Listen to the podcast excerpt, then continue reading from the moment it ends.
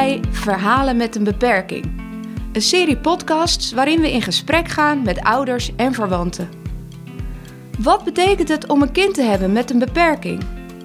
En hoe is de relatie met je broer of zus als hij of zij een beperking heeft? Verhalen met een beperking nemen we anoniem en zonder script op. Met als doel u als luisteraar mee te nemen in hun leven. Van tegenslagen tot blije momenten. We hopen dat je steun hebt aan deze bijzondere ervaringsverhalen.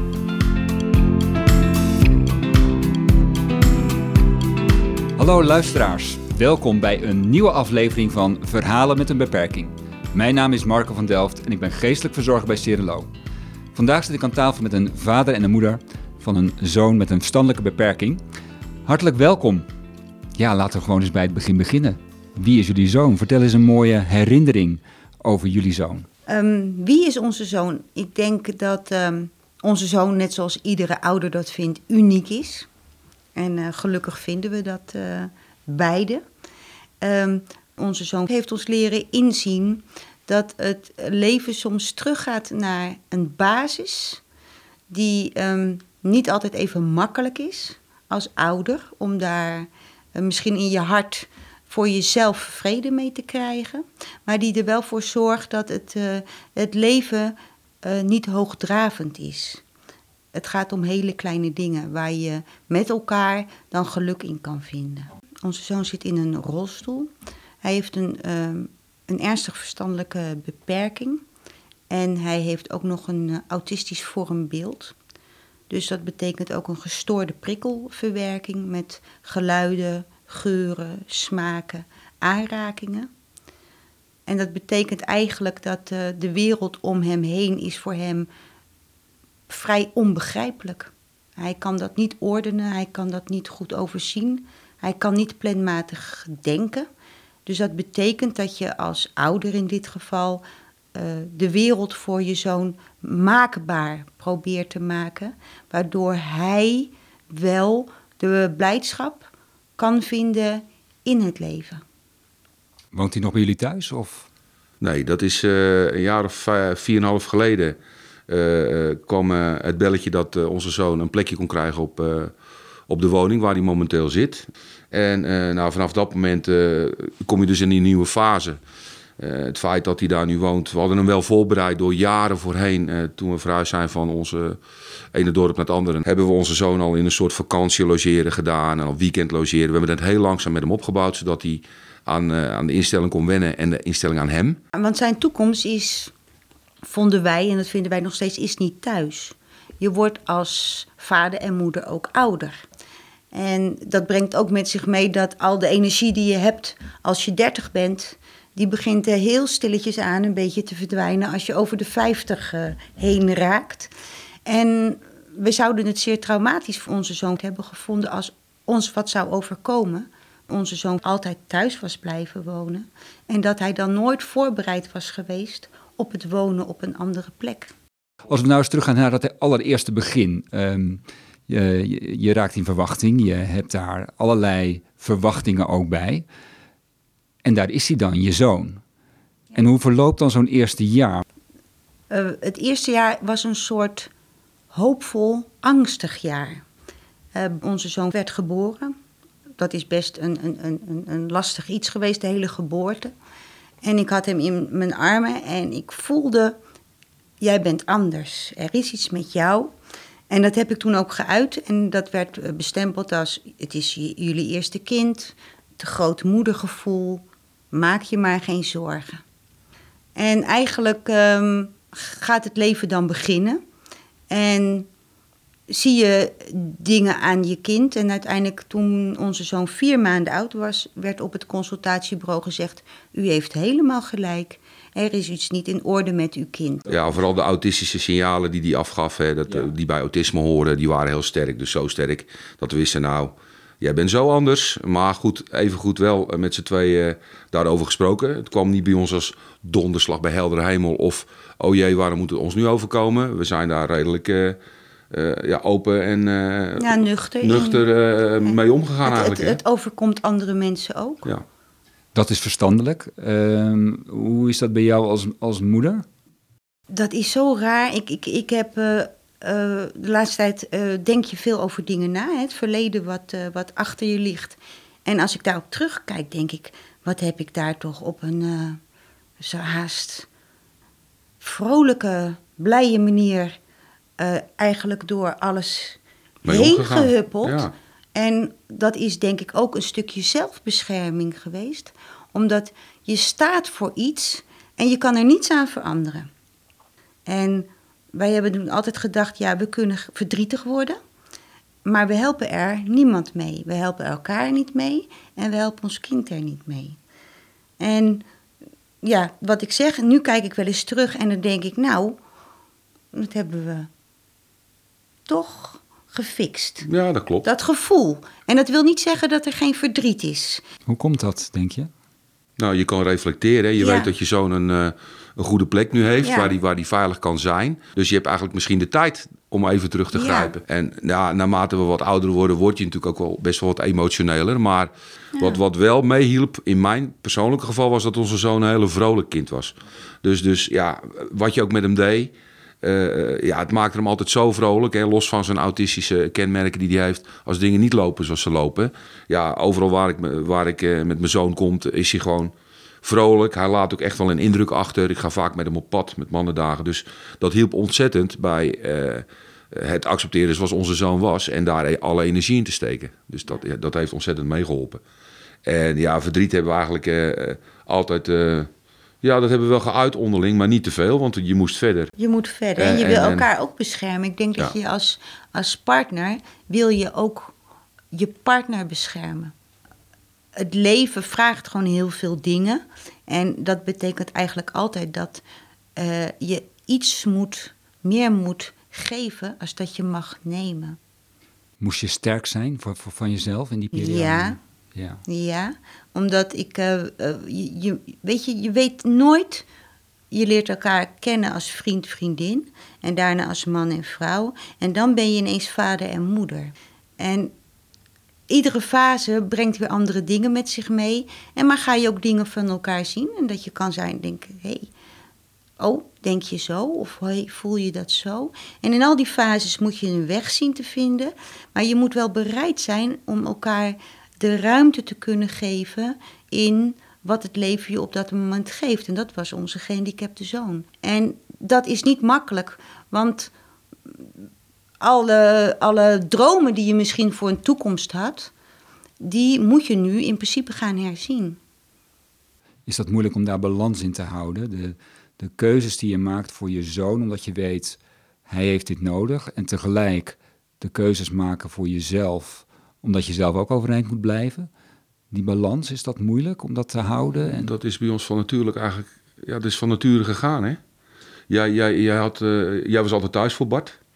Uh, ik had dan mijn baan, dus ik, en ik hielp dan bij als, als ik vrij was. Hè? En uh, dat is volgens mij altijd wel mooi in balans geweest. Hè? Maar die luxe heb je dan.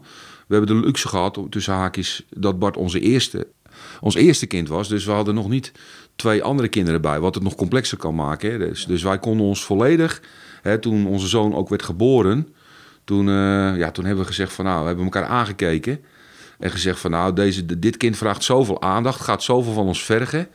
Dat zouden we nog een kinderwens hebben. Mijn vrouw had best wel een kinderwens. Er mochten er best nog wel drie, vier komen.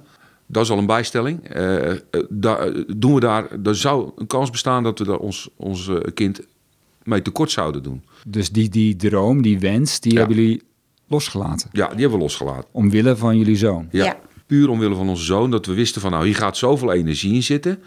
Uh, dan kunnen we hem alles geven. Maar ook elkaar nog uh, niet uit het oog verliezen. Ja. Dus, dus dat hebben, daar hebben we een afweging in gemaakt. Ja, ja. ja.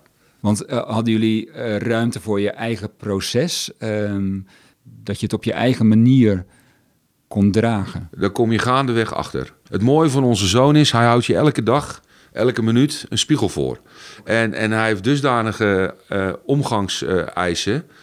dat zijn, uh, zoals je eigenlijk ook met andere mensen zou willen omgaan. Dus nooit je stem verheffen, niet boos worden. He, wij zijn natuurlijk, als, in ons bijzijn van onze zoon, zijn we bijvoorbeeld als we wat uit te vechten hadden zijn we nooit, nooit niet uh, tegen elkaar uitgevaren of hebben we ruzie gemaakt.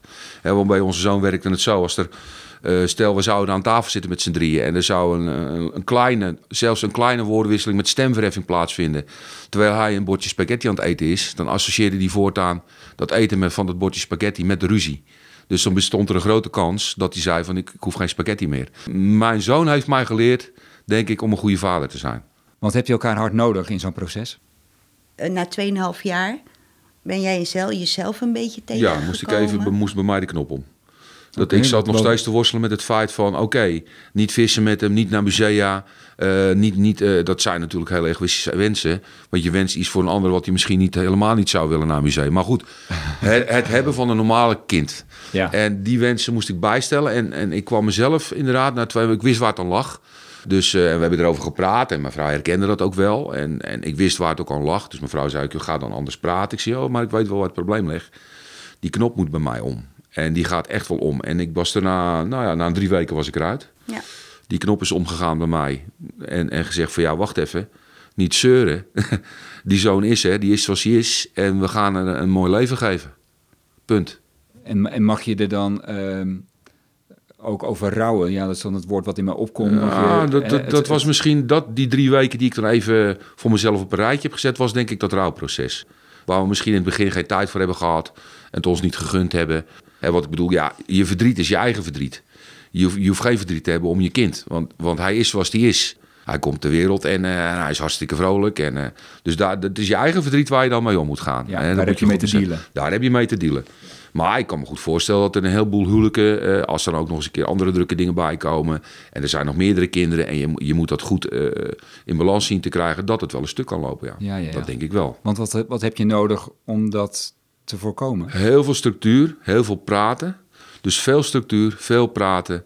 En, en, en uh, nou, een duidelijke visie en, en luisteren, luisteren naar elkaar. Naar elkaar. Um, een kind met een, eh, een, een handicap brengt een andere manier van opvoeden met zich mee. Ze moeten opgevoed worden, maar dat kan niet op de reguliere manier vaak. Dus je moet veel meer zelf uitvinden. Dus je moet veel meer zelf uitvinden en gaan ontdekken wat werkt wel en wat werkt niet.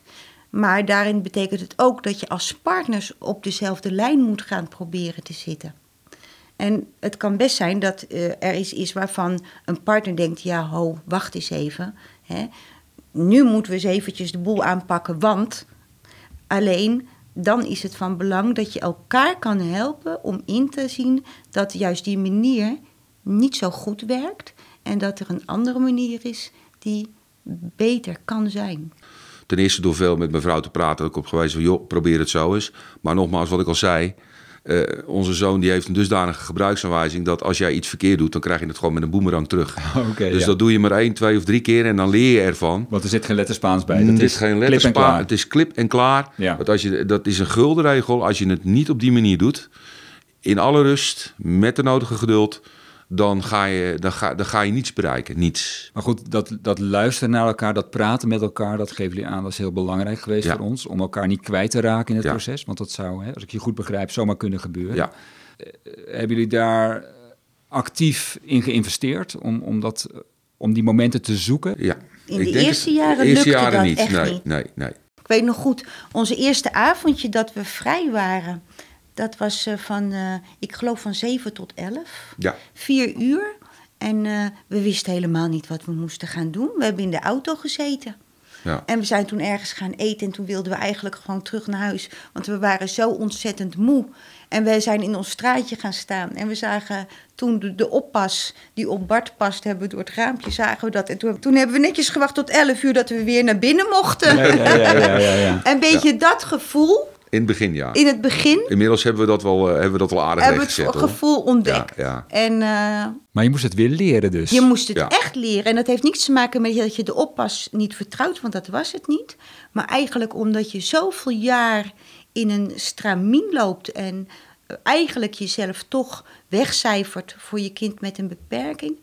En ineens waren er vier uur vrije tijd. En dan denk je, help, wat moet ik met al die ruimte? Nou, eigenlijk wil ik gewoon, had ik ook vier uur, hadden we samen lekker willen slapen. Want we kwamen eigenlijk chronisch slaaptekort in die jaren. Ik ging er de eerste jaren zeven keer gemiddeld per nacht voor Bart uit om hem wisselligging te geven. Dus dat geeft ook iets weer van de intensiteit, zeg maar, Ja. van die Ja. eerste Ja, jaren. je bent met Ja. elkaar versmolten, ja. Ja, ja, ja. En het Ja. loopt zoals het loopt. En later natuurlijk eh, kwamen de, de voorzichtige logeerweekendjes. Eh, en daar zijn we elkaar natuurlijk wel eh, dingen gaan gunnen. En eh, zijn we weekendjes weg geweest of heel voorzichtig. En, en daarna kwamen de, hebben we heel langzaam hebben we dat uitgebouwd van een weekendje naar eh, Vijf eh, dagen vijf vakantie. dagen vakantie logeren. één weekje proberen. Volgend jaar op nog steeds één week. Het jaar erop twee weken. hey, het gaat goed. En na de- niet twee weken zijn we nog voor, voor het eerst gaan reizen. Wat we alle, allebei graag doen. En toen kwam er eigenlijk meer, weer meer ruimte voor jullie Ja, zelf, ja. voor een leven buiten jullie zoon. Maar dat, dat, dat geeft niet, wa- want dat, dat is gewoon zo. Het, feit dat eh, we zijn natuurlijk jaar op vakantie geweest, dat we elkaar aankeken dat, onze zoon nog thuis woonde.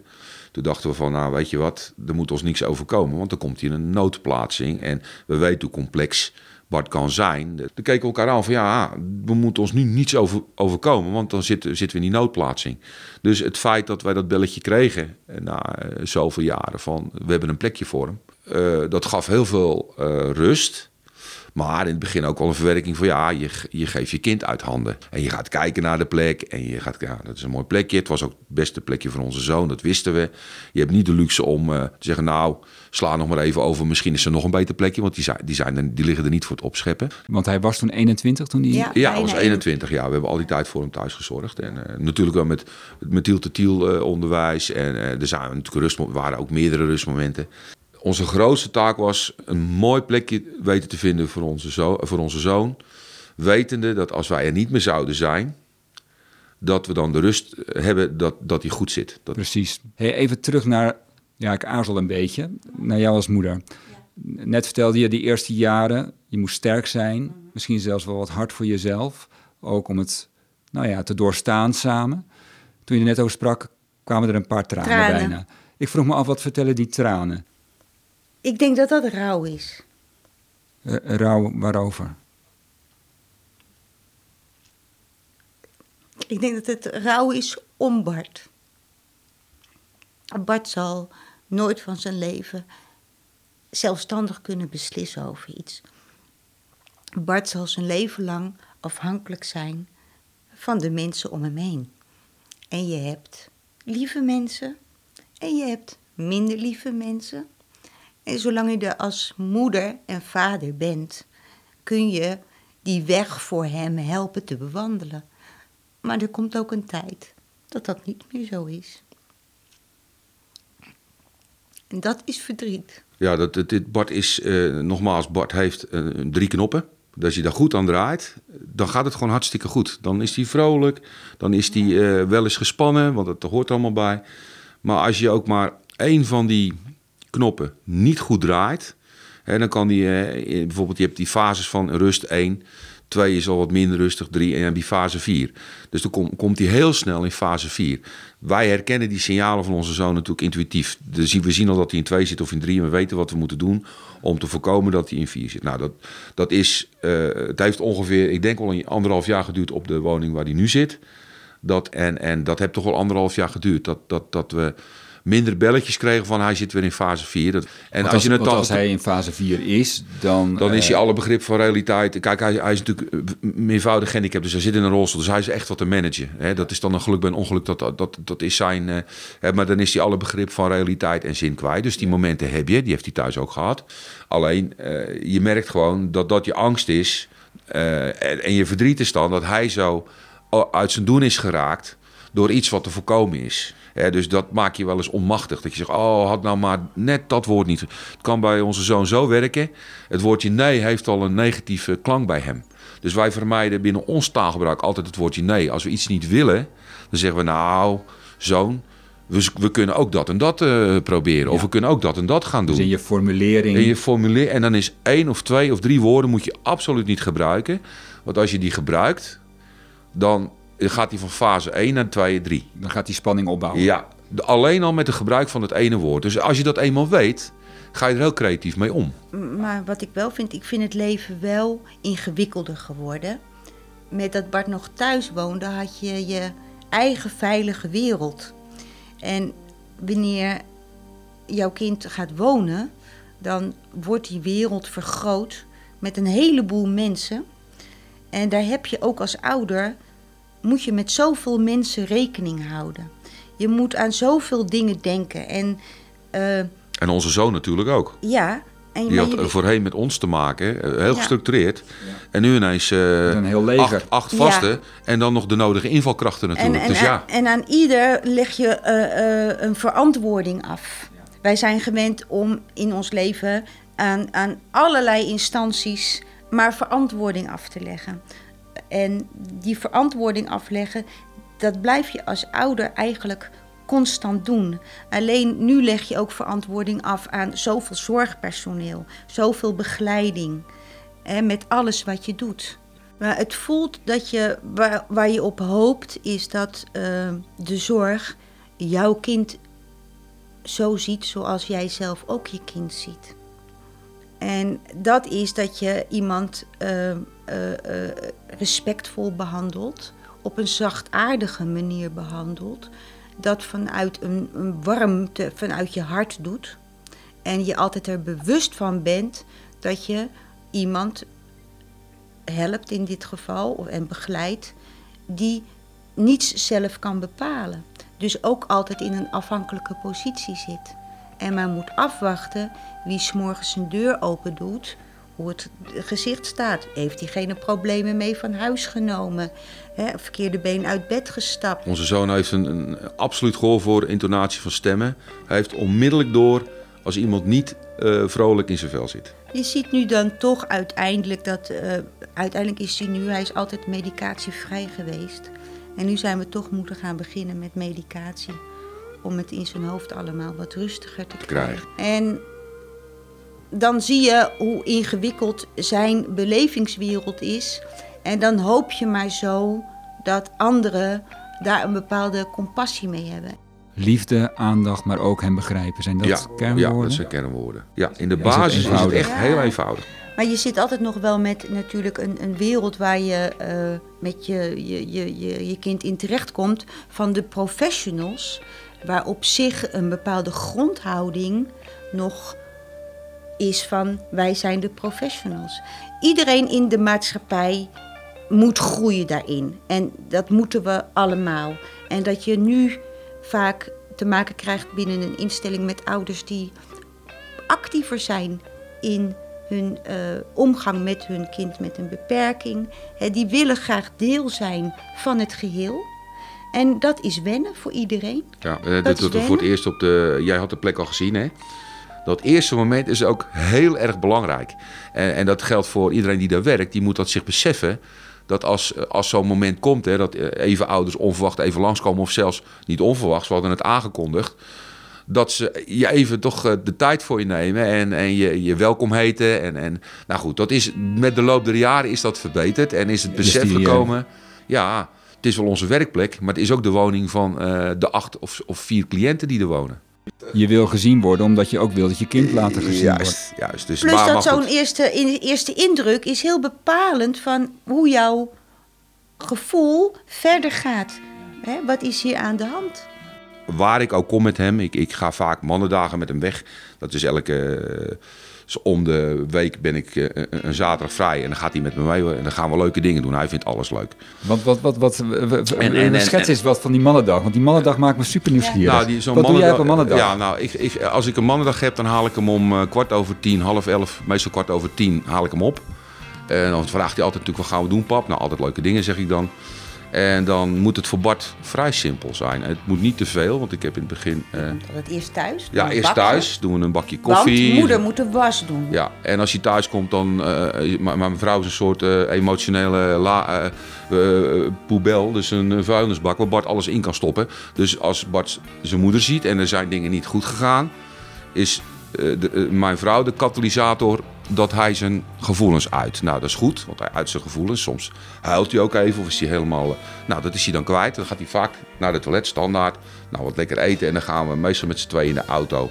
Ja, dat kan zijn dat we naar Scheveningen gaan. Het kan zijn, ik, ik, werk zelf bij de overheid en ik vaar op schepen. Dus dan gaan we naar het bureau toe waar net de wisseling van de wacht is. En dan ziet hij dus de mannen en jongens en vrouwen. Die dan, eh, en die kennen hem ook allemaal. En door zijn autisme weet hij ook al die namen zich naar vijf of tien jaar nog te herinneren. Dus dat vinden de mensen ook wel prettig natuurlijk. Dat, dus hij, hij pakt ze dan wel in. En dan, ja, is hij ontwapenend? ja, hij is heel ontwapenend. Hij is enorm ontwapenend, ja. Dus, en dan gaan we ergens lekker eten. En meestal die twee dingen is al genoeg. Uh, uh, kennissen bezoeken of naar een muiden, visje eten. Nog een dingetje erbij. En daarna om een uurtje of vier weer thuis. En dan, heeft hij, dan, is zijn, dan is zijn harde schijfje vol. En dat is voor hem een geweldige dag. En, ja. en, en, en voor jou? En voor mij ook natuurlijk. Ja, dat is voor mij ook leuk. En autorijden is hij helemaal gek van. Dus dan doen we die dingen die hij leuk vindt. Wat mooi man. Ja. En dat muzieknummer? Want ja, dat, dat, dat is, uh, als ik erg stemmingsmuziek praat, praat je over ja, Supertramp en dat, dat soort bands van, van vroeger. En Pink Floyd, dat is natuurlijk ook een typische band die uh, heel goed gevoelens in muziek kan, kan omzetten. En dan, dan is het nummer Shine On You Crazy Diamond. Dus die openingszin is eigenlijk wel van, van toevallig op, op onze zoon, denk ik.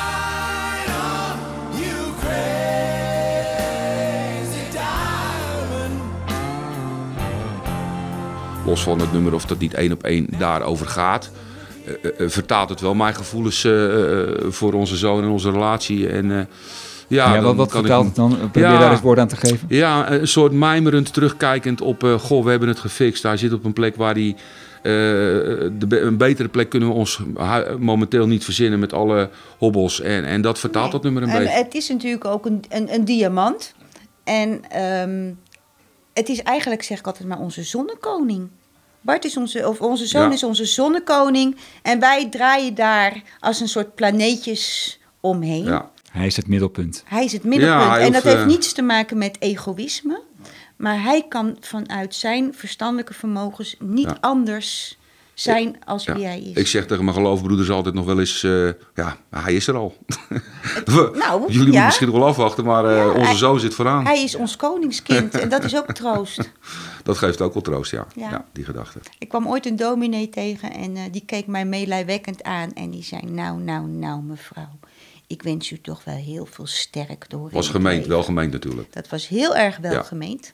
En uh, die beste man kon ook niet beter weten. En toen heb ik hem aangekeken en toen zei ik: Maar ik heb alvast in dit leven één zorg minder. Wij hebben een koningskind. Hij mag vooraan staan. En toen keek hij mij zo aan van. Nou, ja. Ja, zo heb ik dat nooit bekeken. En het is niet per definitie uh, uh, een moeilijker leven als andere mensen. Beslist het is, niet. Het is anders. Het, ja, is, het is anders. anders. Het is anders. Het is anders. Dank jullie wel. Graag gedaan. gedaan. Ja, wat een prachtig verhaal. Wij kunnen blijven praten wat dat betreft. Dat uh, klopt. Ja. Dat uh, bevestig ik bij deze, ja. dat jullie dat kunnen. Uh, we denken dat we een podcast van anderhalf uur kunnen maken. Ja, wel makkelijk. makkelijk. maar ik wil jullie heel erg bedanken dat we ja, een beetje over jullie schouder mee mochten kijken in jullie leven. Maar ook in het bijzonder in het leven van jullie zoon. Het maakt me bijna nieuwsgierig om hem te, te leren kennen als jullie zo enthousiast over hem praten. Dus dank jullie wel. En voor de luisteraar, hebt u vragen naar aanleiding van deze podcast of wilt u graag in gesprek met iemand van Geestelijke Zorg Cirelo? Mail dan met geestelijkezorg.cirelo.nl. Dank voor het luisteren.